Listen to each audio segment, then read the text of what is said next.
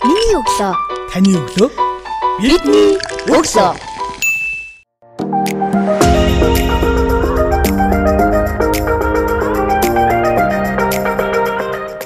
Сонсогчтанд шинэ 7 хоногийн өглөөний мэндийг хүргэе. Миний өглөө сурал подкастын ээлжид нөгөн дугаар сонсогчтанд хүрэхэд бэлэн боллоо. Бид энэ удаагийн дугаартаа зохиолч сэтгүүлч Зоригтын Батуйгийг өрн оролцуулж байна. Өглөөний мэнд хүргэе.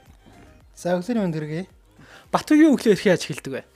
Миний өглөө ерөнхийдөө одоо босоод мөржсэн агаарт нэг хэд сайхан сунаагаал. Тэгэл ороод одоо унтаж өчсөн оргонжлоо ихвж өгсөн. Тэгээ сайхан урахраа угаагаал. Тэгэл ээжийнхээ одоо чамжигсан цайнаас уугаад тэгэл холондоо тэгэл ажилдаа явна гэсэн бэлтгэлтэй. Ороод иймэрхүү л энэ зар эхэлдэг. Сүүлийн үед бол одоо бас нөө зөвхөнтэй хамт байгаа учраас нөө зөвхнийхөөр одоо охинтойгоо хамт өглөөгд эхлүүлж байна да. За өглөө босоод хамгийн түрүүнд хийдэг тадал зуршил болсон үйлдэл байдаг уу? Одоо яг тийм юм бол байхгүй. Гашаанда яваад захан алхах жоохон дуртай, жоохон ажиллах алхахдаг. Тэгээд хүүтэн байх юм бол их алхахгүй. Захан тунгалаг тийм сайхан дөлгөөхэн, дулаахан, айтайхан байх юм бол бас гашаагаан тойрч алхаад тэгэл гашааныхаа хаалгыг онгоолгон дэж машинаас цагаад ингээд ажилдаа явах учраас ийм л хөл одоо зуршилтай гэхүүд. Өдрийн ажлаа хэрхэн яаж төлөвлөж байна? За өдрийн ажилтыг одоо ажил ажил дээр бас тусдаа одоо төлөвлөгөөтэй шүү дээ. За ямар ч гэсэн өглөө өсөд замын төгжрлээс өрсөж одоо офицеруудын ордны тойргийг тойрох гэдэг. Эхэндээ бол нэлээд ивгүй сандардаг эрт өчтөг ус одоо ус харцсангүй гайгуул болж байна. Тэгээд надад бол хамгийн өглөөний удаа төлөвлөгөө бол офицерын тойргоор хөдөлгөөс эрэггүй тойрох гэсэн ийм төлөвлөгөө өгдөг. Тэгээд тэрийг нь давчих юм бол ажилдаа орно. Тэгээд 400-ын 100 400 дээр төгжирнэ. За тэрийг яаж маш богинохон хугацаанд төгжрлөөс гарах уу гэдгийг арга самбаасан бачлаад тэгээд явах. Ийм л одоо төлөвлөгөөгөр ажил эхэлдэг. Тэгээд ажилтаа орно. Нийтлэлтэй бол нийтлэн оруулах хөстэй, ярилцлагатай байл ярилцлага оруулна. Өчигдрийнхөө одоо орсон мэдээнүүдийг түмэнд түгээн. Тэгээ өнөөдөр өөр өөр хинээс яаж ярилцлага авах юм ямар нийтлэл ба хаана яаж одоо лайв дамжуулах юм тэрийг одоо ажлынхантайгаа редакцийнхантайгаа ярилцаал тэгэл зурганд гархан гаргаад өөрөө бас видео интервьюлүүлж хөрөлөл эвлүүлэгчтэй хамт суугаад иймэрхүү төлөвлөгөөгөр тэгэл ажил эхэлдэг явдаг өрнөдөг Өдөрт ер нь 24 цагт хичнээн ажлыг амжуулж байна. Тоолж үзсэн үү? За мэдээж өглөө усахаас эхлэх байх. Өглөө усан цагаан уун машинаасаа хаалган голгоод явна. За тэгэл офицеруудын ордон тайраг маяг гэдэг ингээд эдгээр чи орно шүү дээ. Ажил дээрээ ирнэ. Ажил дээрээ ирээд 30 минутын өмнө одоо ширээ сандлаа зэгцлэх, биеийн бэлдэх, компьютер юм арчих, асаах.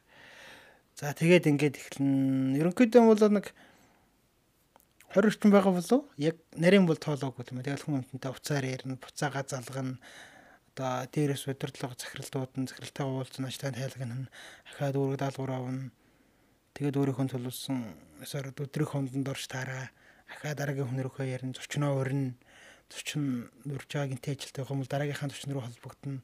Гэх мэтчлэнгээр ингээд янз янз зэгтэй яг тоолж бол үзээгүй тоо авахад бас хүндрэлтэй л баг. Гэхдээ яг тоолж үзэж байгаагүй юм байна.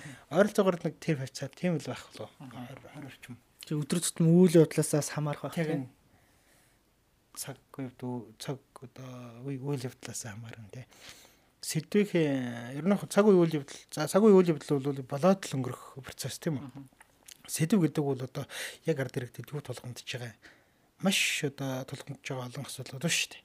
Тэд нарыг шийдэхэд гарц гаргалгаа олоход сэтгүүлч миний үүрэг оролцоо юу байх вэ? Мэдээж та тэрийг мэдээлэх дамжуулах тийм. Тэгээд тэрээс гадна одоо шийдлийг яаж авах вэ гэдгийг бид нэр маш сайн бодох хэрэгтэй байх гэж боддог. Яагаад сэтгүүлч мэрэгчлэр суралцах болсон бэ? Энэ сонголтыг сонголтыг чи өөрөө хийсэн үү? Эсвэл энэ сонголтод хин нэг нөлөөлсөн үү? Юу ч хамаагүй энэ сонголтод хийх түргсэн бэ? За сэтгүүлч болоход хэд хэдэн зүйл нөлөөсөн гэж боддог. Би яг ингээд төрөлхийн гихүүд тэгээд хөгжлийн мөршилтэй гэж хэлж болно те хөл муутай.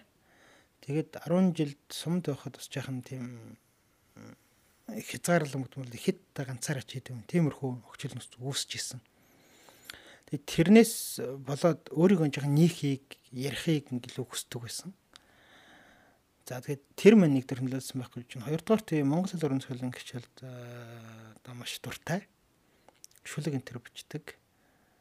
Шүлэг бичээ шүлэг уншаад өгдөг ус болохоор одоо хит одоо хязгаар нөлөөсөн гэх нь бас юу вэ? Гэхдээ ямар тухайн үед бол миний одоо тэр хөгжлийн мөршил сурагч байхад бас жаахан надад их нөлөөлдөг байсан л гэж байгаа шүү.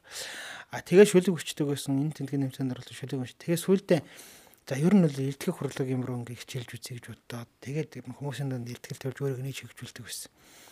Тэгээд Баян болог сумаас хүүхдийн чуулга улдад тулаад амьд тэрэн дээр урагдж ирээд Тэгээд хүүхдийн чуулга улсад нь чөлөг уншид нэгдсэн чинь өнөөгийн баян хонгор сон ингээд тохоо үед одоо баян хонгор баян хонгорын мэдээлдэгсэн байсан. Тэр одоо сонины эрхлэгч. Тэгээ нэг настайх.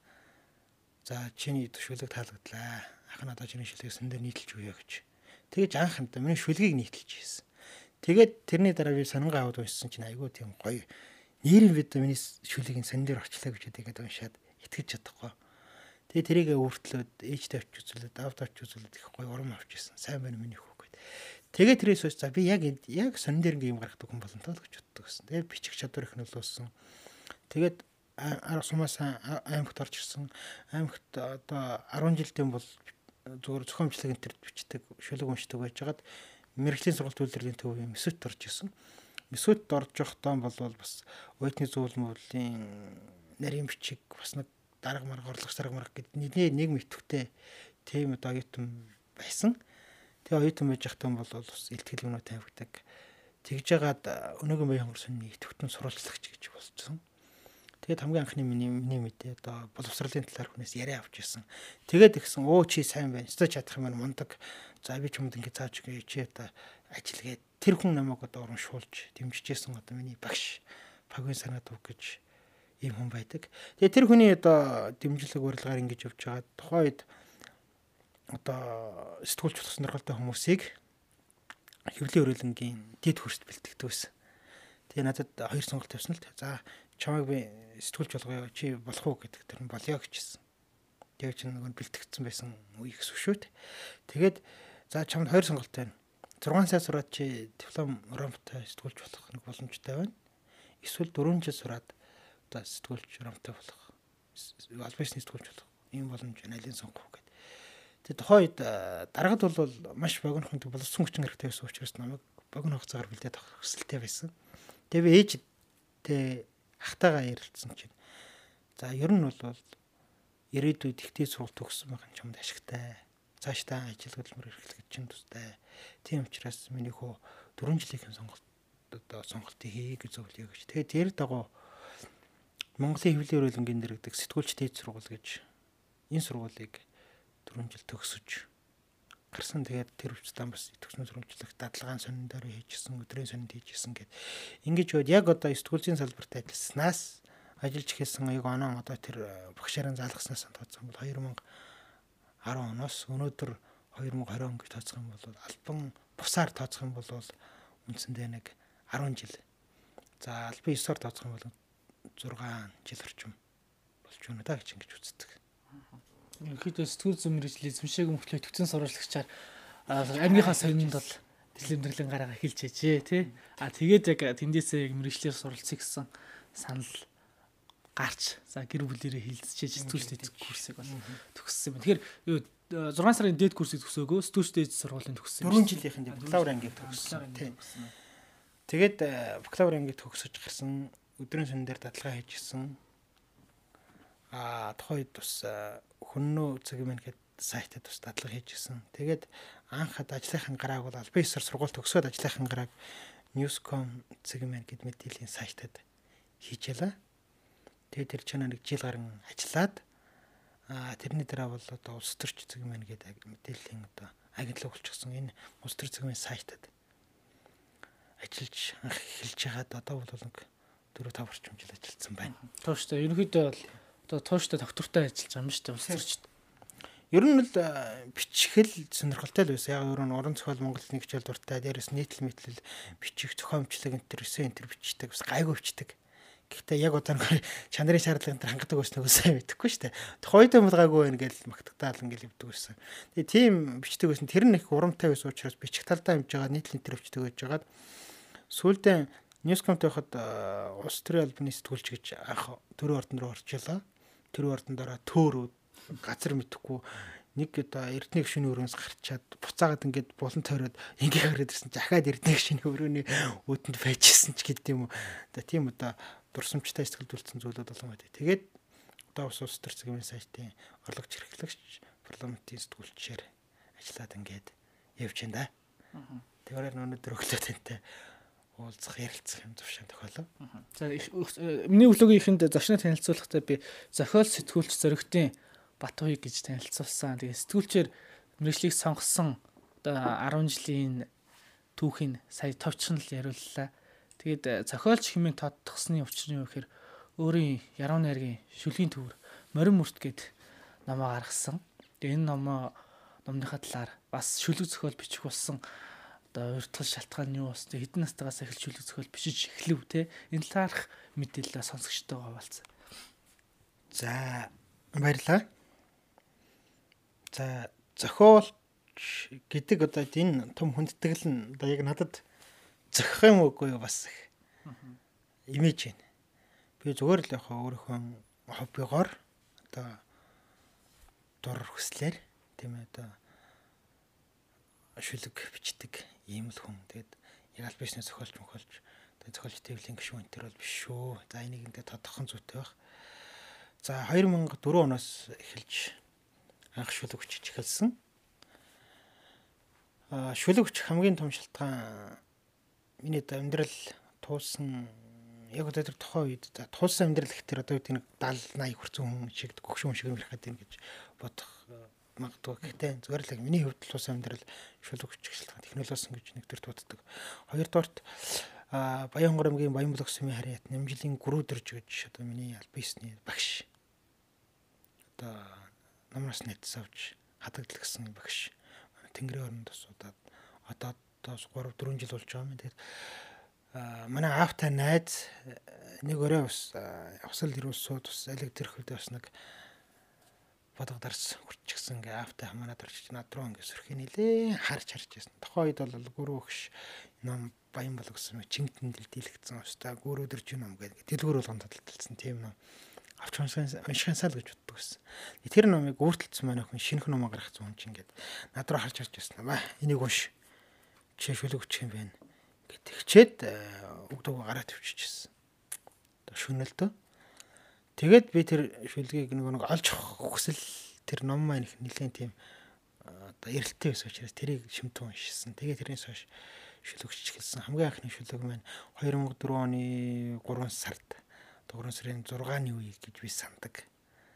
Ягаад 2 хоногийн дараа Мартин 8 болно гэд манай хойтлын хашааны дэгчнэр ажилтаа байдаг учраас ээжийг дуудаж Мартин баяр тэмдэглэж ирсэн. Тэр тэр 6 нуу 7 нуу тэр хвцаа. Тэгээ би ээжийн бараг гэдэг шилэг хамгийн бичижсэн дөрөмөртэй. Тэгээ дараад нь цагаан татуу гэдэг аавтан зөвлөжсэн шүлэг байж исэн. Тэгээ тэгэж ингэж үчиж эхлээд аа тэгээд 2004 оноос 2018 он хүртэл гэдэг чинь баг 14 15 жил гэсэн үг тийм ээ. 14 жил шүлэг хүчиж байгаад 2018 онд анхны удаа мөрөн мөрт гэдэг нөмөө хэвлэлт гарч хэвлэлтээс гаргасан. За энэ дотор бол миний да хамгийн сүүлд 12-оос 16 он хүртэл бичсэн шүлгүүд байгаа. Тэрнээс өмнөх шүлгүүд маань бас харамсалтайгаар одоо бусдын гарт ороод замхарсан алдагдсан зүйл байдаг. Тэгээд яг тухайн шүлгүүдийн одоо бодоход бол ганц зөр шүлгөө санаанд байдаг. Гэхдээ бүгдийг нь санахгүй, мөр болгоныг санахгүй, агуул болгоны бүрэн одоо илэрхийлж чадахгүй байгаа ч гэсэн булгийн нөгөө нэг их нь байхад мянга одоо урсгалыг ингээд асалж байсан ч гэсэн булгийн одоо ус бол баян горгилж идэг шүү дээ. Тэр яг тэрэн тэрэн шиг одоо зүйрлэл санаж дэвшилгүүдийн бичсэн. Морин мөрт тэгээд ягаад ийм ном нэрлэх болсон гэхээр би өөрөө Баян хонгор аймгийн 3 блок сумд төрсөн. Миний одоо төрсэн газар манай донтог Афричаанд морин мөрт тэгээд одоо Чингис хааны одоо адуун сүрэг энэ төр байж исэн тийм том хөндөй байдаг. Тэр хөндөд морин мөрт гэдэг энэ бол миний төрсөн нутаг.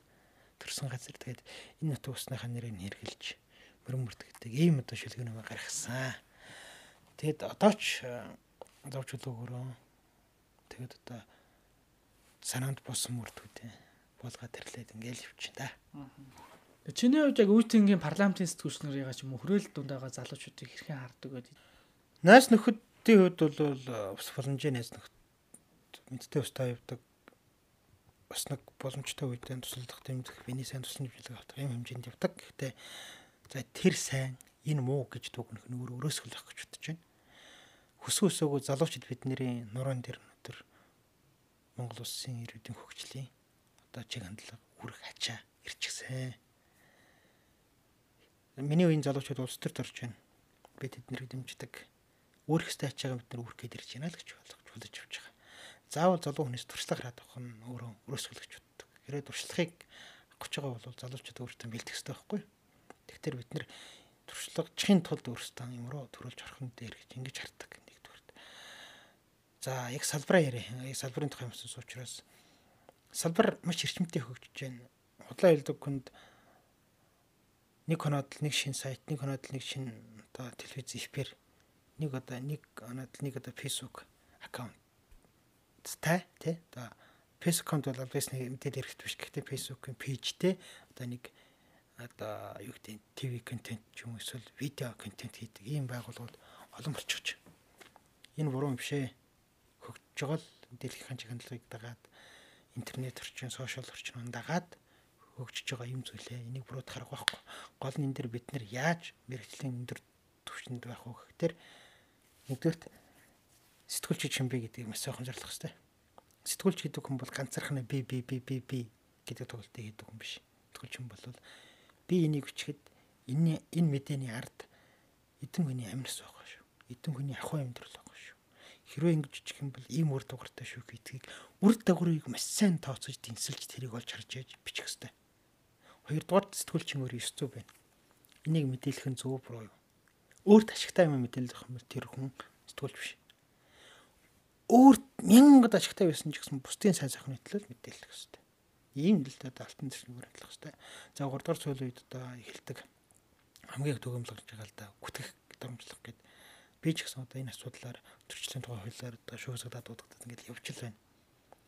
Санаатай санамсаргүй биш одоо санаатай алдаж гэж явах санамсргүй байдлаар одоо үгсэг алдагдсан одоо бруузер андуурсан төрсөн юм байдаг. Тэгэхээр хүний гүтгэж болохгүй гэдэг зүйл одоо яг ингээд өөр өөрө мэдэрч юм л та. Тэр бичиж байгаа зүйлтэй энийг өчих юм бол энэ хүний нэр хүн зард нь байгаа шүү гэдгийг маш сайн ухаарах хэрэгтэй гэдгийг л хараад хэлэх хэлэх гээд байгаа. За тэгээд 90-ад оны үед анх Монгол улсад чөлөөт зах зээл гараад хөвлөндөөлийн байгууллага маш олон болж исэн гэж ярьдаг тийм шар сонин гэдэг. Шар сонингоос хүмүүс маш их асар их олоогддог байсан. Тэгээ одоо шар сонин Монголд байна гэвэл за нэг өдрөө очих ганц нэг байж хат ноцтой мэдээч гэдэг юм уу тийм ээ сэрүүлэгч гэдэг юм нэг иймэрхүү. Тэгэхээр тэд нар одоо хэрэгцээгийн дуусгаад дууссан байхгүй юу? Хэрэгцээ нь дуусчихсан. Шар сонин сонирхдаг. Яг тэрэн шиг одоо маш олон хөвлөндөөлийн сайтууд нэгдэж байна. Зөв. Гэхдээ чанаас чадвартай тэнцвэртэй мэдээлж чаддаг, мэрэгжлийн өсвөг баримталж чаддаг. Олон жил танигдчихсан. Дээрээс нь одоо гэсэн танигдж чадж байгаа уншигчтай болж байгаа сайтууд нь үлдээд тийм бусууд нь одоо цаг хугацааны шалгуураар ирчихтаад ингээд явна. Тэгэхээр бид нар өөрсдөө үлдэх хэмжээний студтэй мэдлэгтэй, цар хүрээтэй уншигчдыг татчихсан сонирхолтой хамгийн гол мэдээлэлтэй агуулгатай юм мэдээг тарах хэрэгтэй гэж. За боловсон хүчнийг тэр асуусан те ээжүүд нь одоо эмэгтэйчүүд нь ээж болоод одоо биологи хавлагдаг байгаа тийм үү. За эрчүүд нь өөрөө гэдэг ажилгүй өөр ажил хийдэг барилга дээр ажилладаг гэдэг юм уу. Хүн одоо ямар ажил хийх яахыг нь бол би одоо хэлж заадаг хүн бол биш ээ те. Хувь хүний сонголтыг хүнддэг. Гэхдээ сэтгүүлч мөрөглөөр ажиллах гэж байгаа бол нэгдүгээр үг даадаг байх хэрэгтэй. Хоёрдугаарт одоо сэтгүүлчийн явдлыг даатгах хэрэгтэй. Гуравдугаар төс зүйтэй байх хэрэгтэй.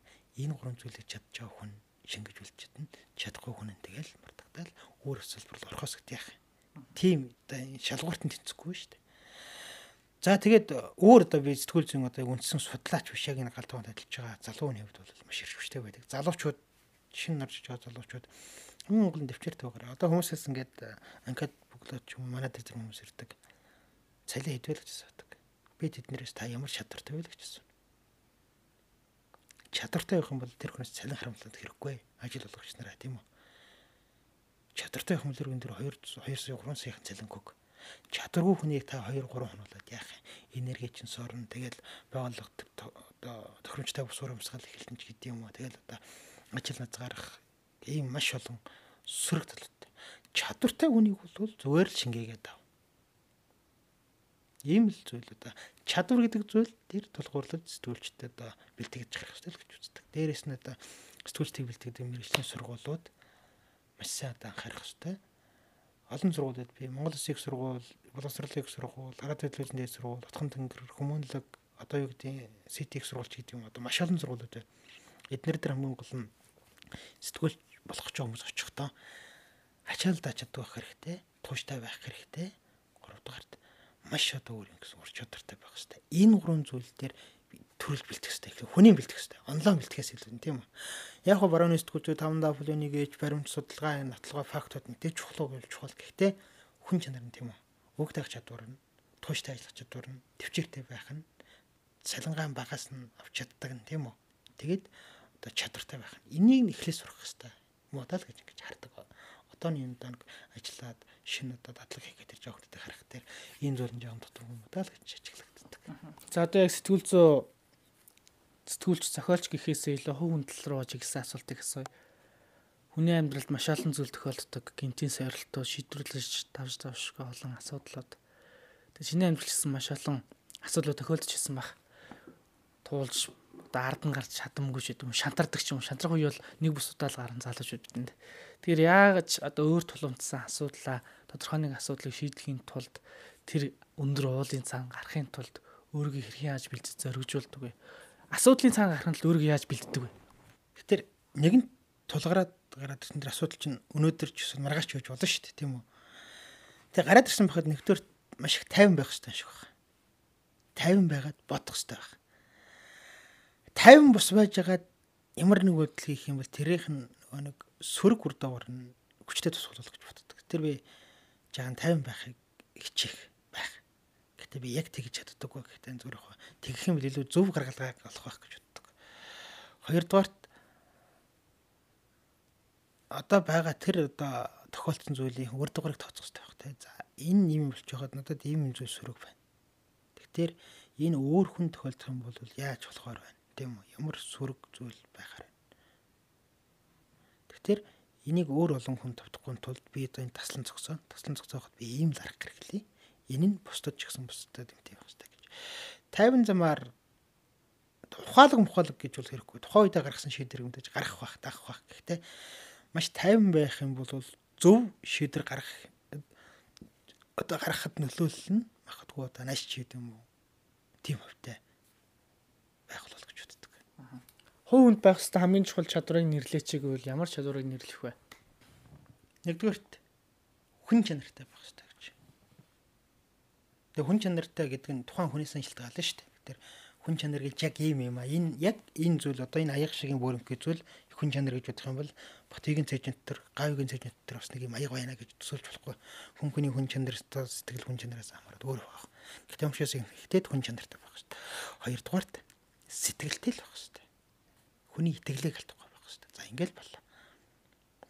Сэтгэл гэдэг бол өөрийн чинь одоо ажил хөдөлмөр дээр илэрхийлж байгаа бүх зүйлээс чинь харагдана тийм. За энэ бол сэтгэлтэй байх юм бол ядч хүн за энэ сэтгэлтэй шүү дээ үнд хөндлөмж нь явагдана. Итгэлтэй байна гэдэг бол хамгийн тулгцэг тийм хамгийн чухал зүйл. Хүн ер нь итгэлтэй хүндээ л хамаг нууцаанд дэлгэж хамаг зүйлээ ярьдаг шүү дээ байгууллагч гэсэн ингээд яхад за энэ бол миний итгэлтэй хүн шүү дээ. Энэ л одоо манай байгууллагад илэрхийлж чадна гэдэг. Байгууллагын нөр царайг л хүмүүс өгдөг ш тэр хүмүүс чинь хүний итгэлийг даацсан. Тэгэхээр итгэл хүн чанар сэтгэл гурав бол одоо хамгийн чухал байх хэрэгтэй зүйл шүү л гэж. Хизээ хамгийн сүүлд өөрөөрөө маш их бахархсан байна. Мм за одоо хэлэхэд ичүүрч юм да Сунгуул Улсын хурлын сунгуулийн сурвалжлах гад сунгуулийн ерөнхий орноос батламж авах гад явцсан хоогоор дараа нь уцтаа чи иргэний хамтлагийг иргэн сайхан дуртай хэлээч гэт зурган дараалал төлөв. Тэгээд би явуулсан байсан. Тэгээд иргэнийхээ үнэлэхний регистрийн дугаараа явуулаач гэхгүй. Тэгээ би хэлээд өгсөн чинь 24-нд улсын хурлын сонгуул болсон. 24-ний өдөр 11 цагт ажил дээр үлэн байх дээр нь яваад утсан чинь гадаа нэг жижигхэн цэнгэр дэрэг тавьсан. Тэгээд ажилчид бүгдээрээ цугалтсан байсан. Тэгээд яасан гэсэн чинь сайн ажилласан ажилтнаа шагнуул одоо шагнаж байна гэдэг. Нийгэм асуудлын шийднэ гэдэг. Тэгэд надад одоо ажлын газраас автомашин бэлгэлсэн. Тэгтэл одоо өөрийгөө заавс нүгний итгэлийг дагаад явж чаддсан байна да. Нэг юм хийчдсан байна. Хийх гэж одоо зүтгэж байгаа юм байна. Тодорхой хэмжээнд үнэлгэж байгаа юм байна л гэж өөрөөр нь тухай тэгж бахархсан.